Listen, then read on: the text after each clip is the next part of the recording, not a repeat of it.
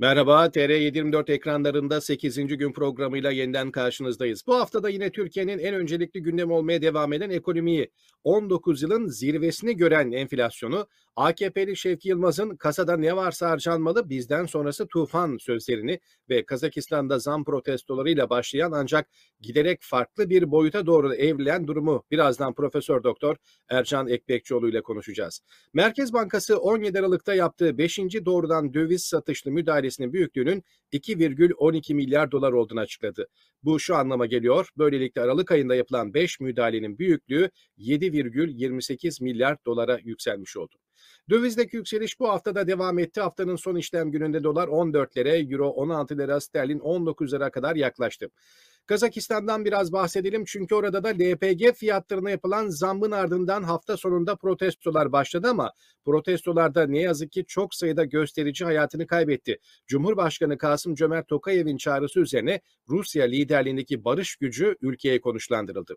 Kazakistan'ın farklı bölgelerindeki gösterilerde binden fazla kişinin yaralandığı, yaklaşık 400'ünün te hastanede tedavi gördüğü, 62'sinin ise yoğun bakımda olduğu belirtildi. Kazak Devlet Televizyonu protestolar sırasında 13 emniyet görevlisinin de hayatını kaybettiğini, 350'den fazlasının yaralandığını duyurdu. Evet Kazakistan konusunu biraz sonra ele alacağız. Nasıl buraya duruma geldi ve sadece Kazakistan'la sınırlı kalır mı bu konu? Ne gibi başka yorumlar ve birlikte gelen açıklamalar olacak bakacağız. Yeni yıl Türkiye'de zamlarla başladı dedik. E, memur ve emekli maaşlarına zamlar geldi ama hiç gecikmeden bununla birlikte elektrik, tekel ürünleri derken birçok üründe zam yağmuru yeni yılın ilk günlerinde başladı yine. Geçen haftaki programda Ercan hocamızın e, hatırlarsanız 2022'nin de pek kolay geçmeyeceği yorumu vardı. Bunu paylaşmıştık sizlerle. Nobel ödüllü ekonomist Joseph Stiglitz'in de bir açıklaması geldi. Dünya ekonomisinin 2022'deki durumu üzerine tahminlerini Le Monde gazetesine yazdı ve 2022 yılında dünya genelinde enflasyonun artacağını ifade eden Stiglitz, dünya ekonomisini bekleyen en büyük iki riskin demokrasiye saygısını kaybeden Amerika Cumhuriyetçi Parti ve Çin, ABD arasındaki ekonomik rekabet olduğunu anlattı. Ünlü ekonomist makalesinin başında mevcut konjonktürdeki yüksek derecede belirsizlik göz önüne alındığında güçlü tahminlerde bulunmanın akıllıca olmadığını itiraf etti ama yine de belli başlı konulara dikkat çekmek istediğini anlattı. Enflasyon, işsizlik ilişkisi, Covid-19 ortadan kaldırılamazsa da nihayet kontrol altına alınacak diyen ünlü ekonomist, pandemiyle duraklayan küresel ekonomiyi yeniden başlatmanın o kadar da kolay olmayacağının altını çiziyor. Yani Türkiye'yi de 2022'de dünya ekonomileriyle beraber yine zorlu bir yıl bekliyor.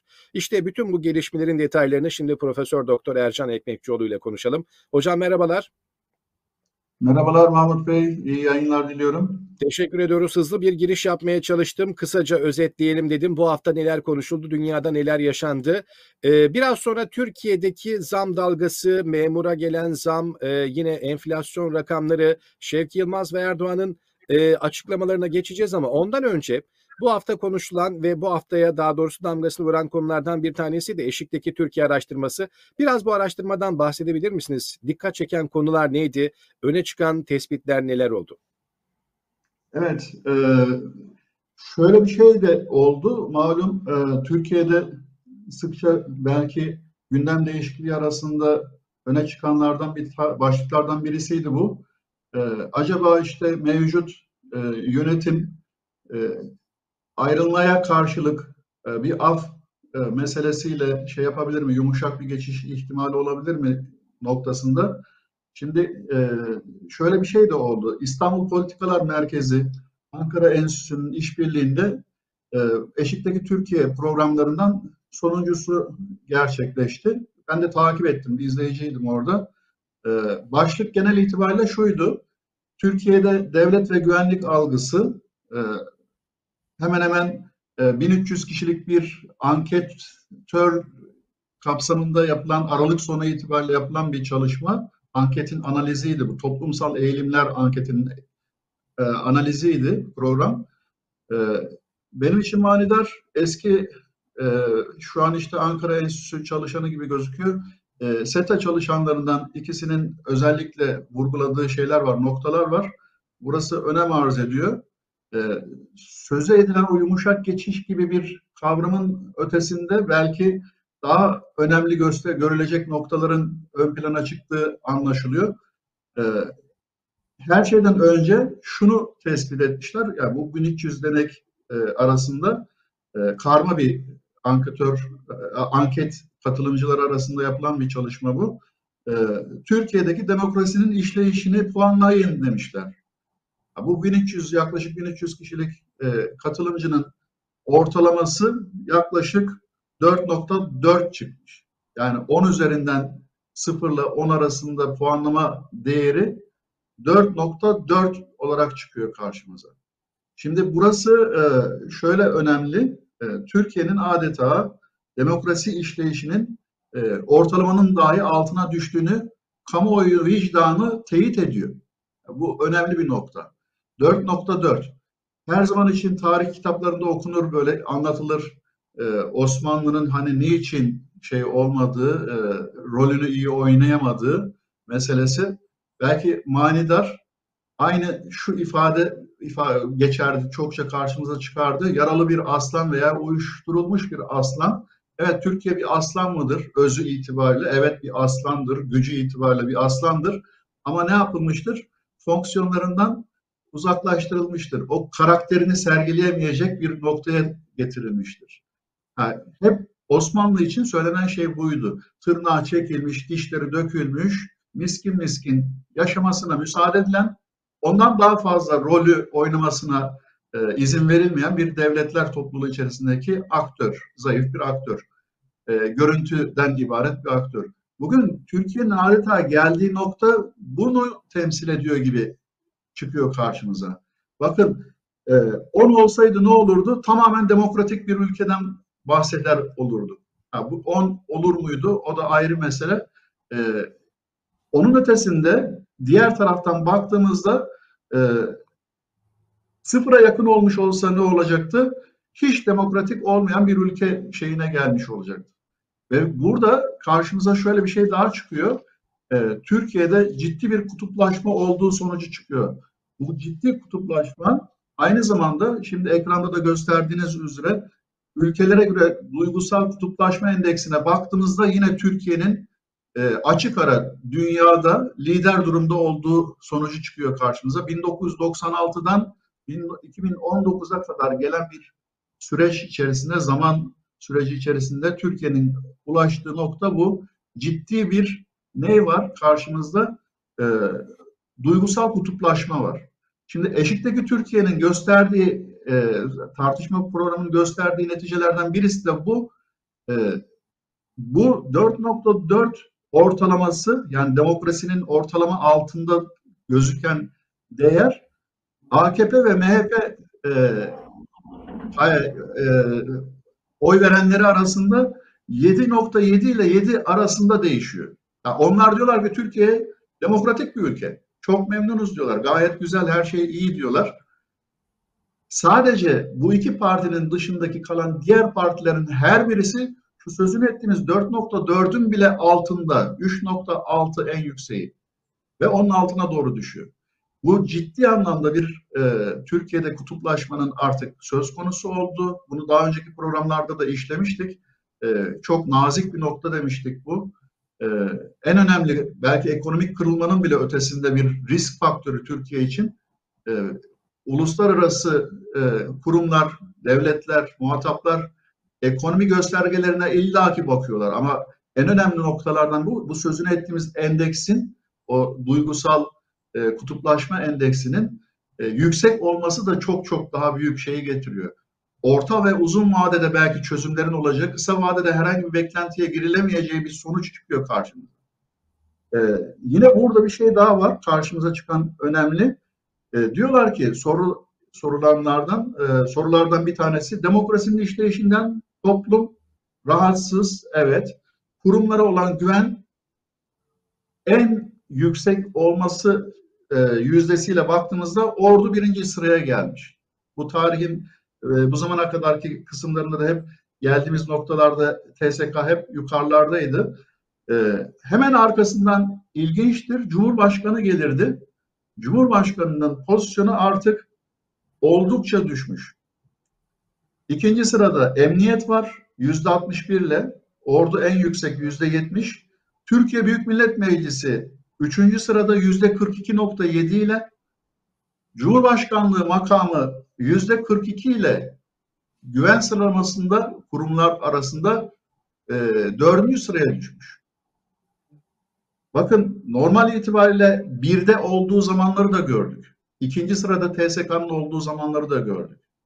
E, siyasallaşmış bir cumhurbaşkanlığı hükümet sisteminin artık ne yaptığını, bu makamın temsil makamının da zora girdiğini, e, kıymetten düştüğünü gösteriyor. Kamu vicdanı itibariyle.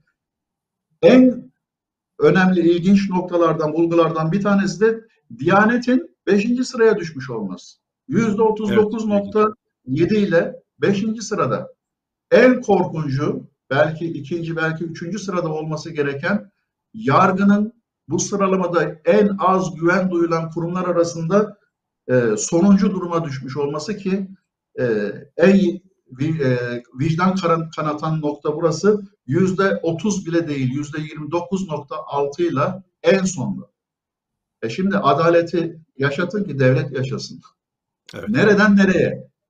Bundan dolayı ki hep sözünü ettiğimiz bu ekonomik kırılganlıklar, ekonomik belirsizlikler konuşulur oluyor.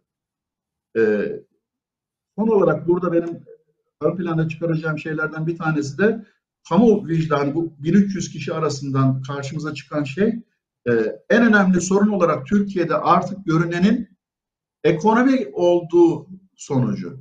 Bakın iktidar ısrarla, kamu otoritesi ısrarla hep e, bölücü faaliyetlerden, işte terörden bahsediyor olmasına rağmen terörün 6. sırada 5.8 ile kamuoyunun kamuoyunun vicdanında mahkes bulduğu sonucu çıkıyor karşımıza. Yani bu anlamda e, ciddi bir e, kamunun artık e, halkın e, olayların gidişatıyla alakalı bir okuma yapabildiği sonucu da karşımıza çıkıyor. Artık e, o yüzden zaten belki biraz sonra da tartışırız.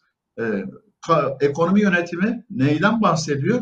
E, ortodoks yöne, e, politikalardan ziyade artık heterodoks politikalara geçeceğiz söylemine geliyor. Evet burası önemliydi. Şu da var bu noktaların arasında çok önem gözüken şey güven duyulan kurumlar arasında birinci sırada belki Türk Silahlı Kuvvetleri gözüküyor olsa da e, sonrasında şunu söylüyor e, bu vicdan, kamuoyu vicdanı Türkiye'deki sorunları seçimle iş başına gelmiş demokratik bir hükümet çözebilir ancak diyor. Bunu geçtiğimiz programda da son programda da dile getirmiştik zaten. Ancak bir belki mutabakat hükümeti veya güçlü bir kamuoyuna kendisini kabul ettirebilmiş, anlatabilmiş bir e, grup ne yapabilir? Bu anlamda e, rol alabilir. Türkiye'nin yeniden inşası anlamında oranı yüzde 72.5. Yani bu ciddi bir oran. Ee, Hocam zaten dolayısıyla... ama ilginç değil mi? Biraz 15 Temmuz sonrası tamamen yani irtiba, e, itibarı yerle bir edilmiş e, ve operasyonlarla iyice işlevsiz hale getirilmiş ordunun hala birinci sırada çıkması da ilginç aslında. Abi, bir dakika orada arkadan bir başka şey daha geliyor. E, gündem içerisinde maddeler içerisinde. Orası da manidar.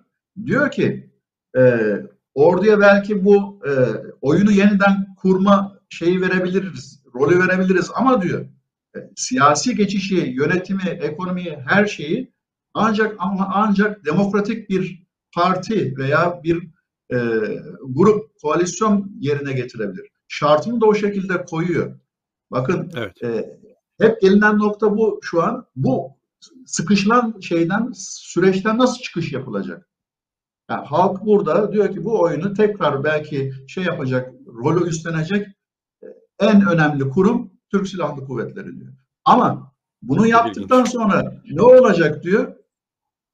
O çekilecek tekrar hızlı bir şekilde çekilecek. Belki demokratik bir hükümet bütün bu problemlerin çözümüne yardımcı olacak.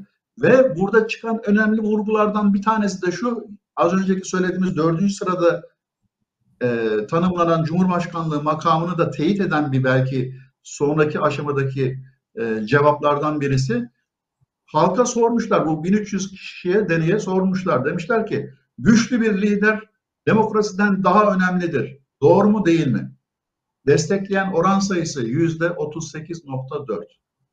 Artık insanlar kamuoyu diyor ki güçlü bir liderden ziyade biz demokratik teamüllerle, kurallarla çalışan hukuk merkezli, güçlü bir hukuk merkezli neyle? Demokratik bir hükümetle yol almayı, yaşamayı düşünebiliriz.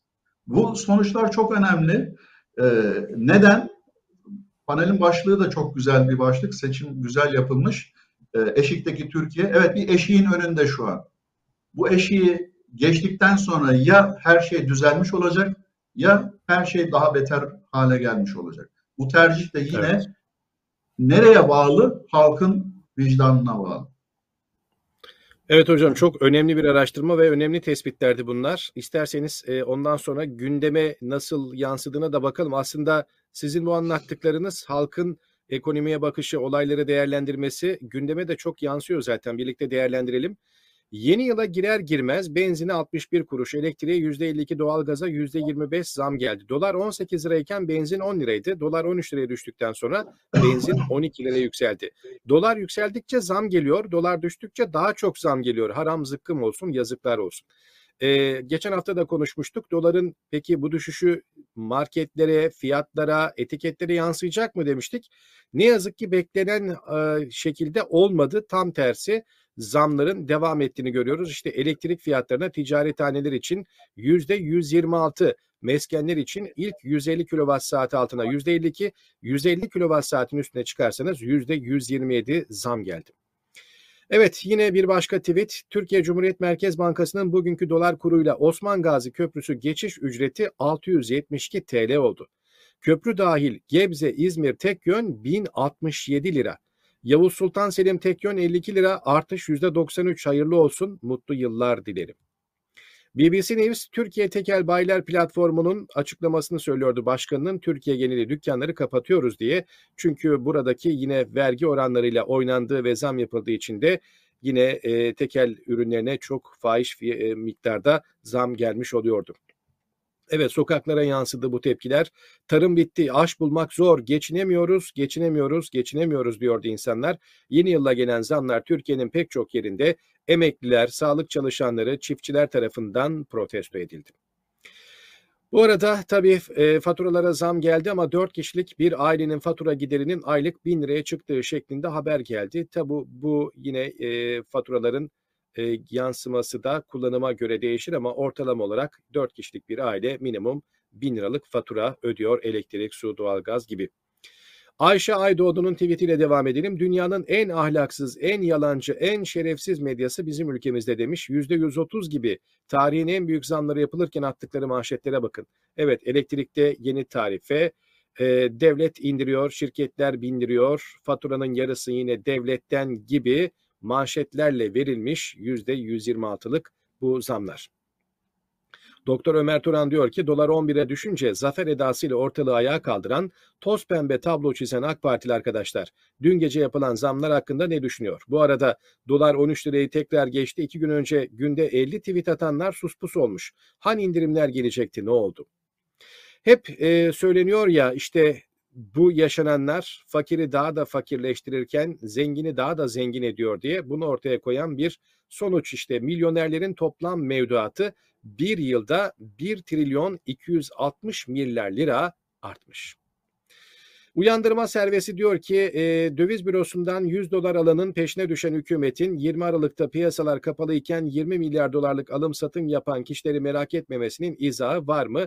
Hatırlayacaksınız 20 Aralık'ta bu kadar çok doları alan kimdi, satan kimdi bununla ilgili bir önerge verildi, soruşturulsun denildi.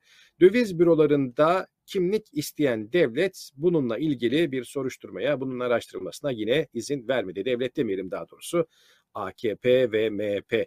TÜİK'ten bir açıklamaydı yine bu. Enflasyon Aralık'ta 2021'de %13,58 yıllık bazda %36,8 arttı dedi.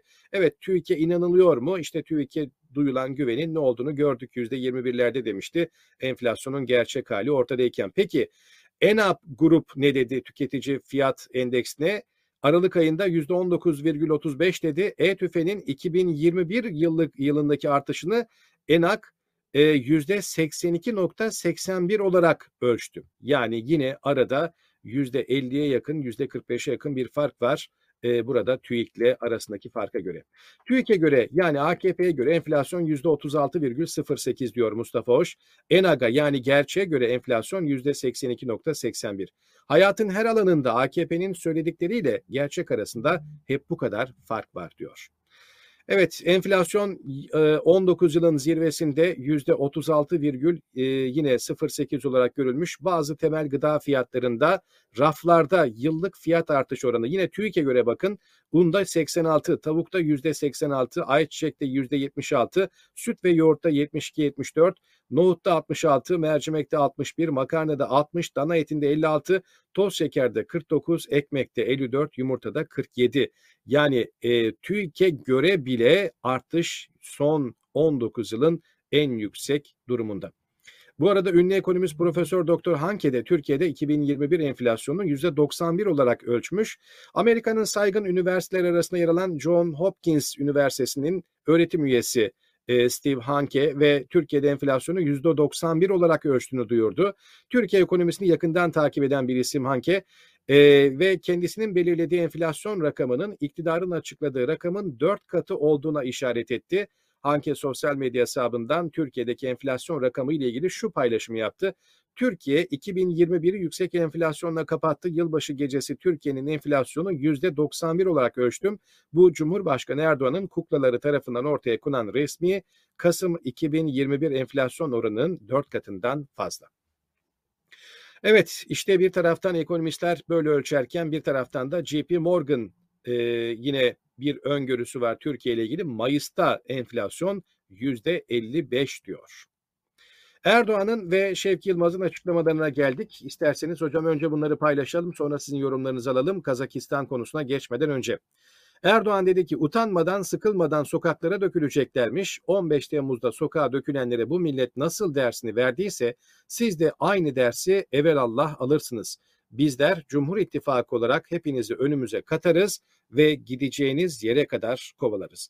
Önce dilerseniz bu sözlerle ilgili biraz yorumlarınızı alalım. Sonra da Şevki Yılmaz'ın hazinenin e, tamamını harcayalım. Bizden sonrası tufan sözlerine geçelim. Evet. Ee, önce şunu söylemek lazım. Bu enflasyon meselesiyle alakalı fiyat istikrarı olmadan kesinlikle hiçbir şeyin düzelme şansı yok. Fiyat istikrarı dediğimiz meselenin düzelme ihtimali de kısa vadeli bir işlem değil. Şimdi yine e, bu hafta önemli e, bir e, panel katılımcısı oldum. Bir panelin katılımcısı oldum. E, TÜSİAD ve Koç Üniversitesi'nin karma yaptıkları işte 2022'ye girerken Türkiye ekonomisi başlıklı bir şeydi bu, paneldi. E, saygın ekonomi, iktisatçı meslektaşlarım da orada yer almışlardı. E, paylaşımlarını önemli izledim, baktım, takip ettim. E, bildiğimiz şeyler, yani bizim hep söylediğimiz, söyleye geldiğimiz e, tarafsız iktisatçıların, ekonomici, ekonomistlerin söyleyecekleri, akademisyenlerin söyleyecekleri noktalardı söyledikleri, paylaştıkları. Evet, düşecek veya kontrolü alınacak bir enflasyon olgusu yok, sonucu yok. E, JP Morgan her ne kadar %55 Mayıs ayı itibariyle demiş olsa da e, yapılan rakamsal, bakın hepsi rakamsal, verilerle, veri setleriyle yapılan e, netice, elde edilen neticeler açık seçik gösteriyor ki yüzde yetmişlere ulaşacak bir enflasyon var. Resmi enflasyon var, ihtimali var. Baharda mı? Bunu nereden çıkarıyor? Bunu nereden çıkarıyor bu akademisyen arkadaşlar? Şuradan çıkarıyorlar. Atalet katsayısı yükseliyor diyor. İnanılmaz derecede yükseliyor. Hiçbir zaman bu kadar artmadı. Tek başına artabilen bir değerdi normal şartlarda. Şimdi bir grup olarak e, birlikte arttığı e, şey var. E, kolektif değerler var.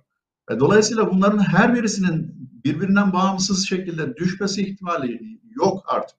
Yani bu çığ gibi belki bir kar topunun döne döne çığa dönüşmesi gibi e, artacak bir şeyi gösteriyor. İğmeyi, enflasyon değer iğmesini gösteriyor bize. Ha, peki yüzde yetmişlere gelmiş bir e, tüketici fiyat endeksi e, olursa üretici fiyat endeksi ne olur? O da illaki şu an baktığımızda e, zaten e, TÜİ, e, TÜİK'in kendi açıklamış olduğu değer itibariyle neredeyse 1'e 3'lük bir üretici fiyat endeks farkı var. Onu uyguladığımız takdirde yüzlerin üzerinde artık bir üretici fiyat endeksi sonucuyla karşı karşıya kalmış oluyoruz. Bu ne demek? Paylaşılan gelinen noktalardan birisi de buydu. Ee, mutlaka ama mutlaka her iki değer ortak bir yerde buluşacak. Şimdi ortalama değer olarak yüzde yetmişleri aldıysak, JP Morgan işte e, bunu yüzde 55 olarak ifade ediyorsa, yüzde yetmişlerden yüzlerin üzerindeki üretici fiyat endeksini de aşağıya çekmeye çalıştığınızda ortalama yüzlerde bir, yüz onlarda enflasyon sonucuyla çıkmış, karşılaşmış oluyoruz. Ee, yine e, tarafsız olarak gördüğüm e, zaman zaman yazıştığımız Hanke'nin, Profesör Hanke'nin ifade ettiği şey de bu. Yüzde 91 ölçüyor. E şimdi bu değerlerin hiçbirisi e, yabana atılmayacak bir şey. Neden? Bir de şunu da söylemekte fayda var izleyicilerimize. Yüzde 21'lerden siz ne oldu da yüzde 36'lara yükselttiniz enflasyonu? Şey itibariyle, Aralık ayı itibariyle. TÜİK'e soruyoruz bunu. Yüzde 21'lerden yüzde 36'lara nasıl fırladı bu? Ha, demek ki yaptığınız bir şeyler yanlış gidiyordu. Yanlış bir şeyler vardı. E şimdi de bu rakam ortalamasına vurduğumuzda gelinen sonuç bu. E, diyoruz ki e, ivme düşmeyecek, daha da artacak. Yani şunu söylemekte fayda var. E, Arjantin bütün dünyanın ortaklaşa kabul edeceği kriz altında, e, risk altında bir ülke. Herkes bunu tasdik ediyor. Defalarca IMF'e gitmiş, defalarca reçete uygulamış, halen mevcut olduğu ekonomik koşullar düzelmemiş bir ekonomi. Ya bugün itibariyle sözüne ettiğimiz zamlı 4250 küsür liralık e, asgari ücretle et almaya kalksanız Arjantin asgari ücretiyle alacağınız etten daha az et alıyorsunuz. Bir tarafta 65 kilo et alınabiliyorken Türkiye'deki şu zamlı arttırılmış e, asgari ücretle ancak 50 kilo belki 55 kilo et alabiliyorsunuz. Nasıl bir durumda olduğunu bu şekilde anlayabiliriz zaten kıyas ettiğimiz takdirde. E, tabii e, şu da e, şöyle önemli. E, bunlar bu gerçeklikler yaşanıyorken e, karar alıcılar, kamu otoritesi ne diyor? İşte az önceki gördük paylaşım, akla hezeyan paylaşımlar. Onun için demiştik hep geçmişte de Türkiye ekonomik gerçeklikten koptu. Hiçbir şekilde değerlendirme şansı yok. O sözünü ettiğimiz 2022'ye girerken Türkiye ekonomisi panelindeki ortak vurgu da buydu hiçbir senaryo çalışan e, gerçeklik Türkiye koşullarında e, ekonomik realiteyle, işleyişle alakası olmayan şeyler. Yani e, dolayısıyla yorum yapma şansınız da yok. Yorum yapma şansınız da yok. Ne söyleniyor? Diyor ki e, dövizin köpüğünü aldık, şimdi sıra enflasyonun köpüğünü almak. Yani nasıl olabilir? Nasıl olabilir bu? Yani izahı yok dememizin şeylerinden, sebeplerinden birisi bu.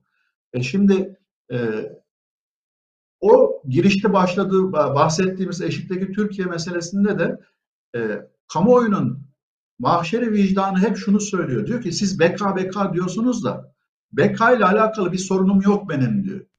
Bakın BK ile alakalı bir sorunum yok. Böyle bir korkum da yok geçmişteki gibi. İyileştirilmiş bir sonuç çıkıyor karşımıza. Halkın onun için dedim az önce bazı şeyler artık kanıksamaya başlamış, anlamaya başlamış, takip edilebiliyor, uyan, uyandırıyor yani e, hayatın gerçekleri, yaşanılan şeyler.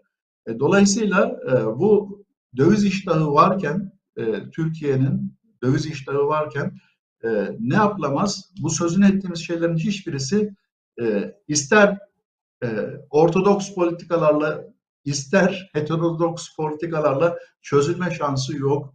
E, zaten bu söylem farklılaşması, sık sık söylem farklılaşması bize şunu çok net gösteriyor.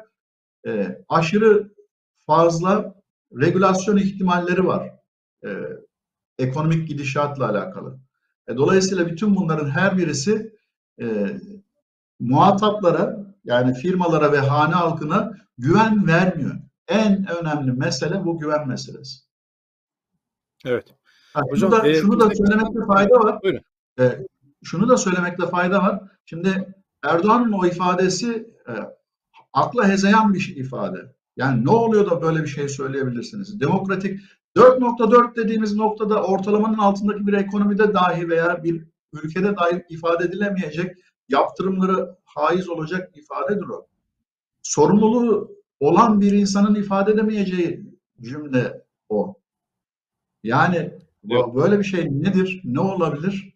E, şimdi e, şunu da göz ardı etmemek lazım. E, belki bu bir güç zehirlenmesi, bir güç zehirlenmesi bu o bu ifade belki doğru.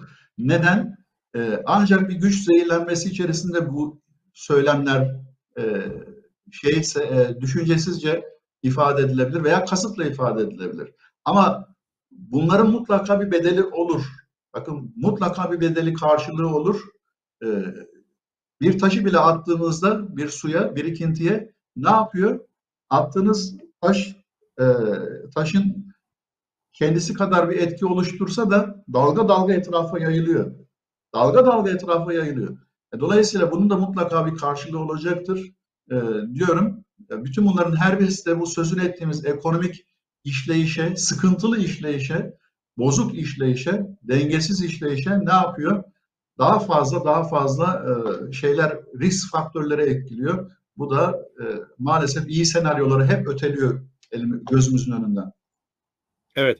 Ee, demokrasi olan ülkelerde toplantı, gösteri ve protestonun ne kadar demokratik bir hak olduğunu söylemeye gerek yok sanıyoruz ama Erdoğan'ın utanmadan sıkılmadan sokağa dökülürlerse onlara gerekli dersi veririz.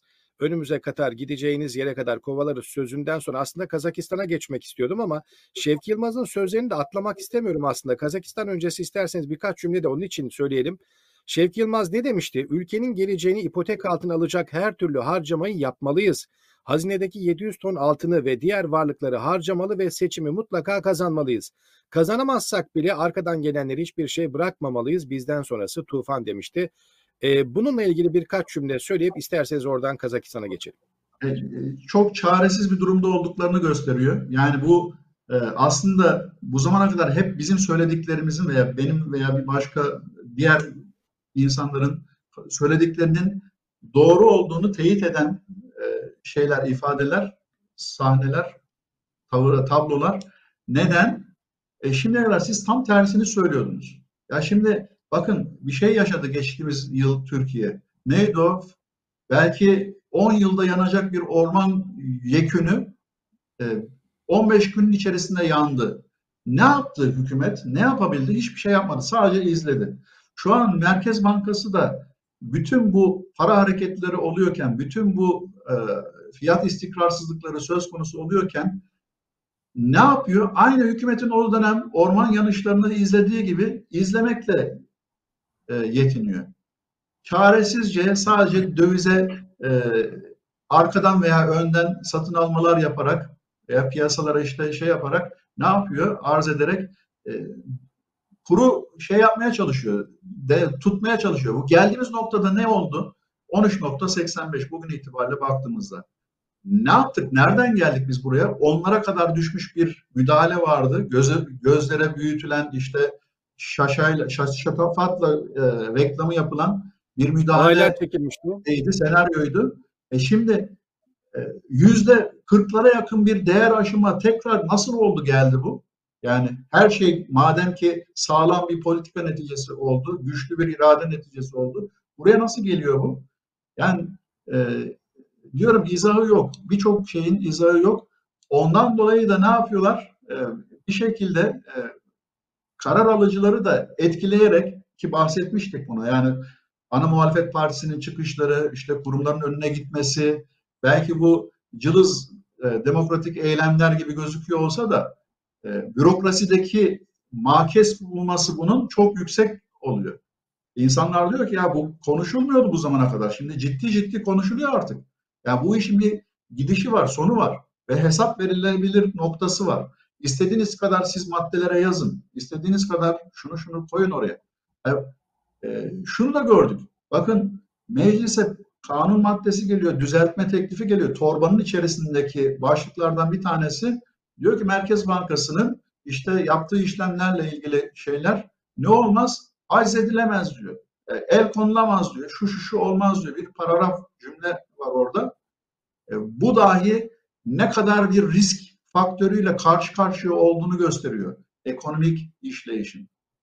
E, e, demek ki böylesine bir korku var ki bunu muhataplarını size, uluslararası e, muhataplarını size söylüyorlar ki böylesine bir teminat verme ihtiyacı duyuyorsunuz.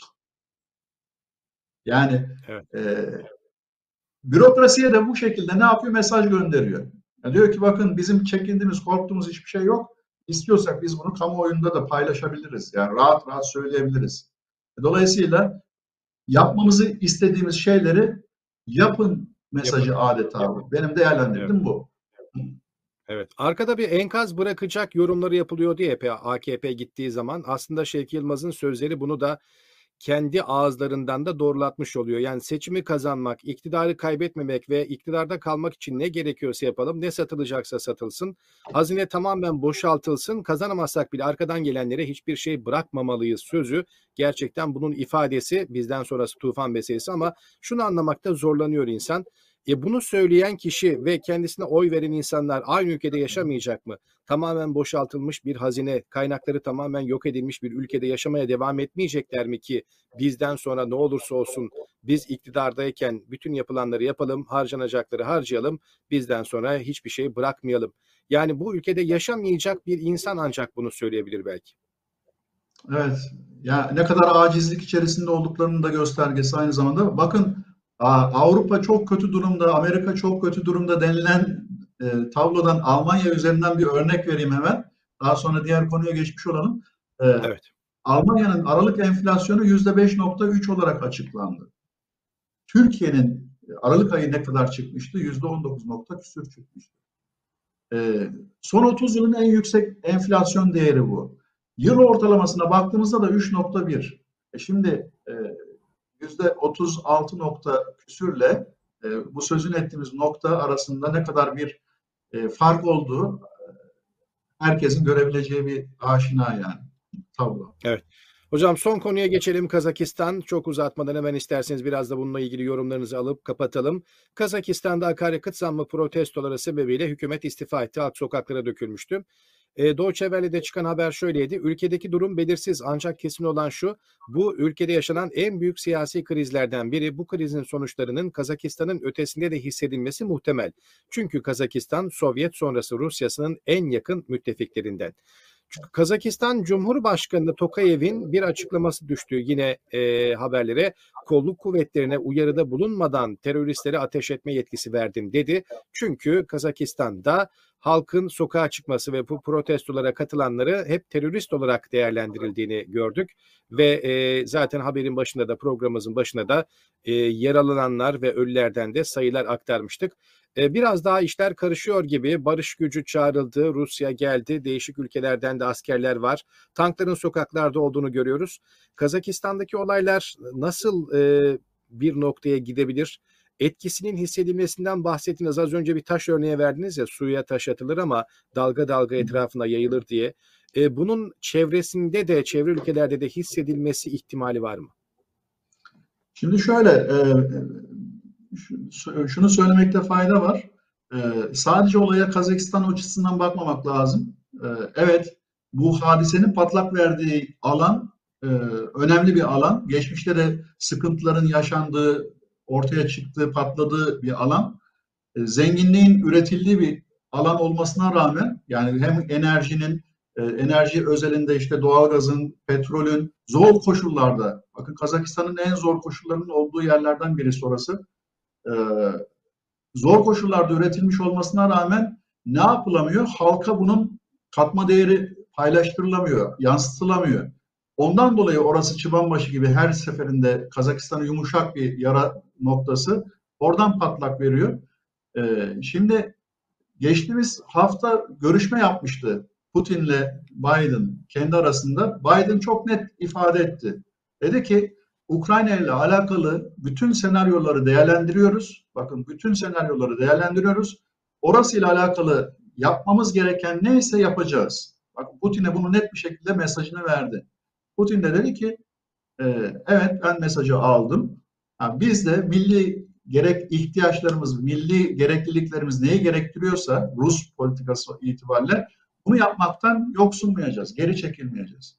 Neye rağmen? Şimdi yine geçtiğimiz programda da söylediğimiz bir şey vardı. Faiz artırımıyla ilgili Putin'in yaklaşımı, Merkez Bankası'nın bağımsızlığı meselesine yaklaşımı, onunla ilgili reel sektörün verdiği e, şeylerle, mesajlarla alakalı yumuşatıcı bir şey yapmış olması, beyan kullanmış olması.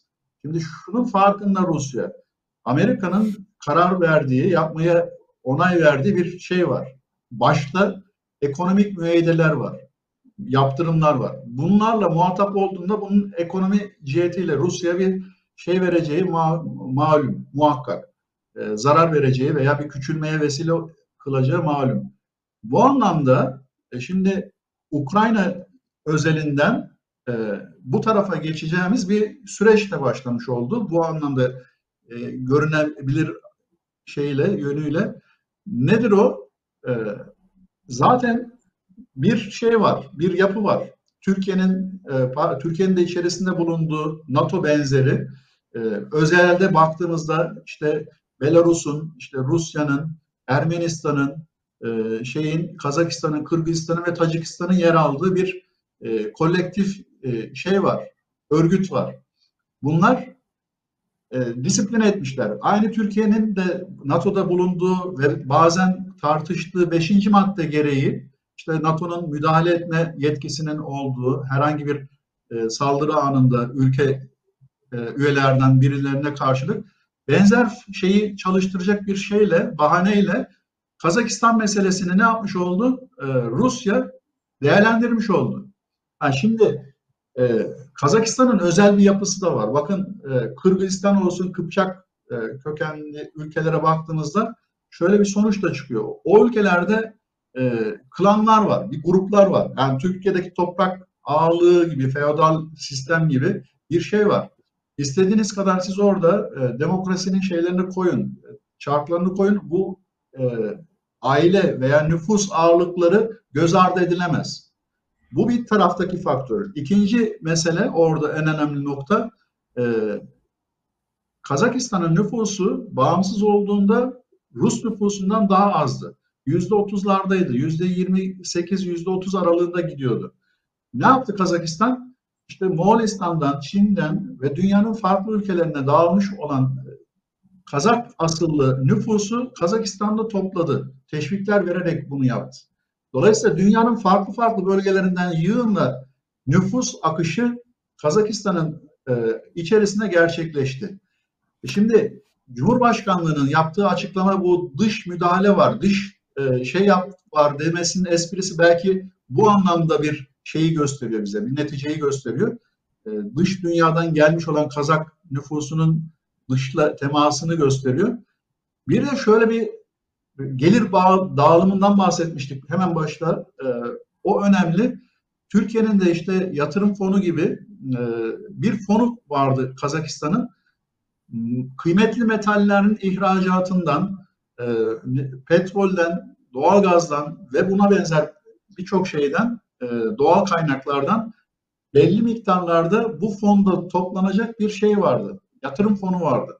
Bu yatırım fonu her bir yıl veya bir dönem seçilmiş olan, sıraya konmuş olan bölgelere toplanan o kaynağı aktarıyordu, yatırım olarak aktarıyordu.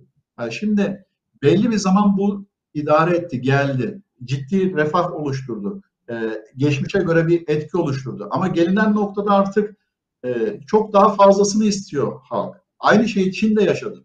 Çin de benzer şeyi yaşadı. Onun için inanılmaz derecede şeyi arttırmış oldu.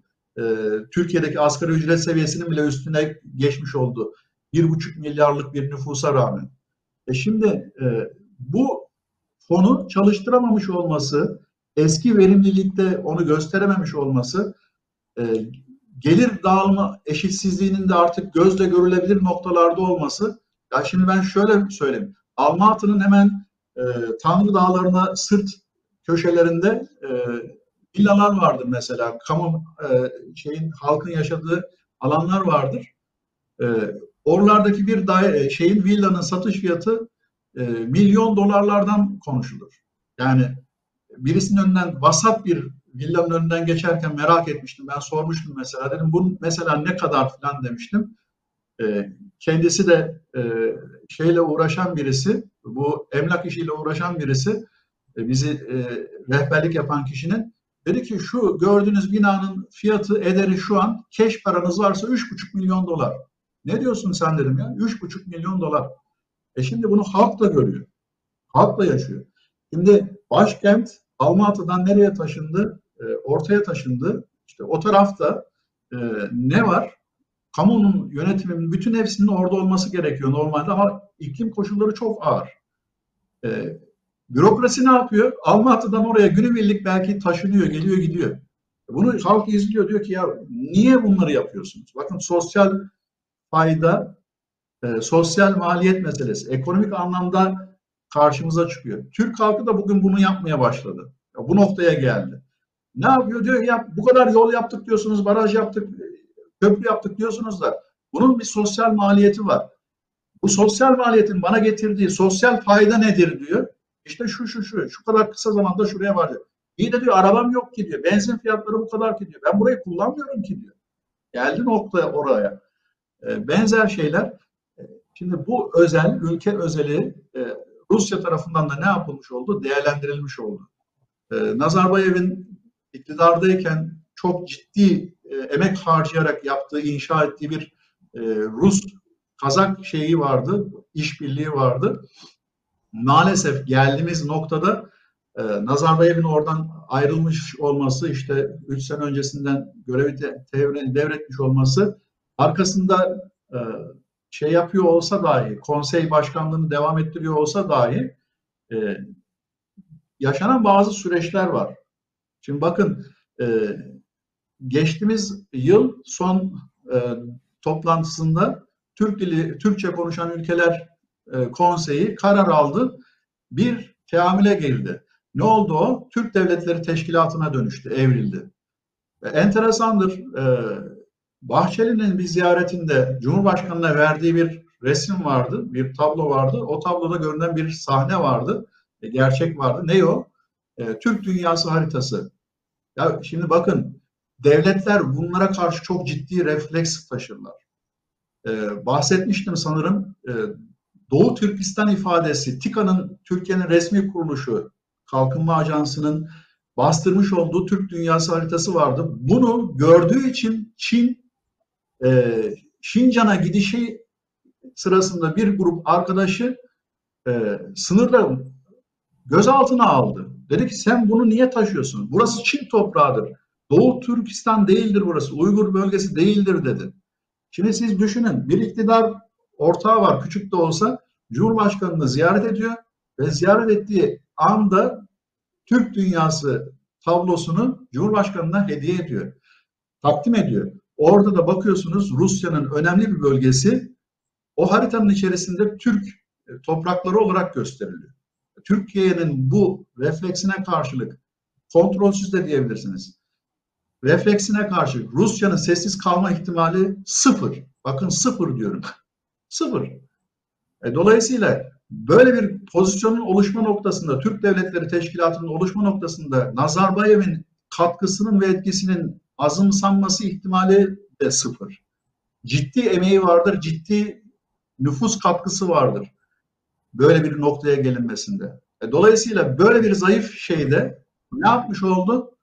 Ee, Rusya bu zayıf noktayı değerlendirmiş oldu. Aynı zamanda da Biden'a karşılık da şu refleksi göstermiş oldu.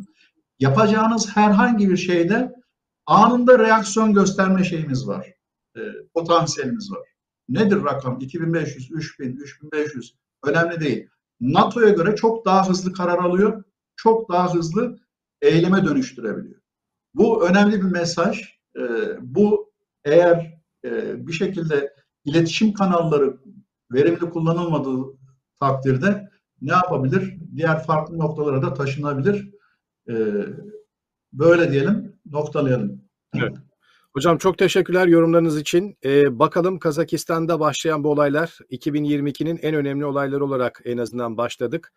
E, bir kelebek etkisiyle etrafa yayılacak mı dalga dalga yoksa orada Evet. belirli bir süre sonra sönümlenecek mi hep beraber göreceğiz. Haftaya da belki tekrar bu konuyla ilgili gelişmeler olursa tekrar değerlendiririz.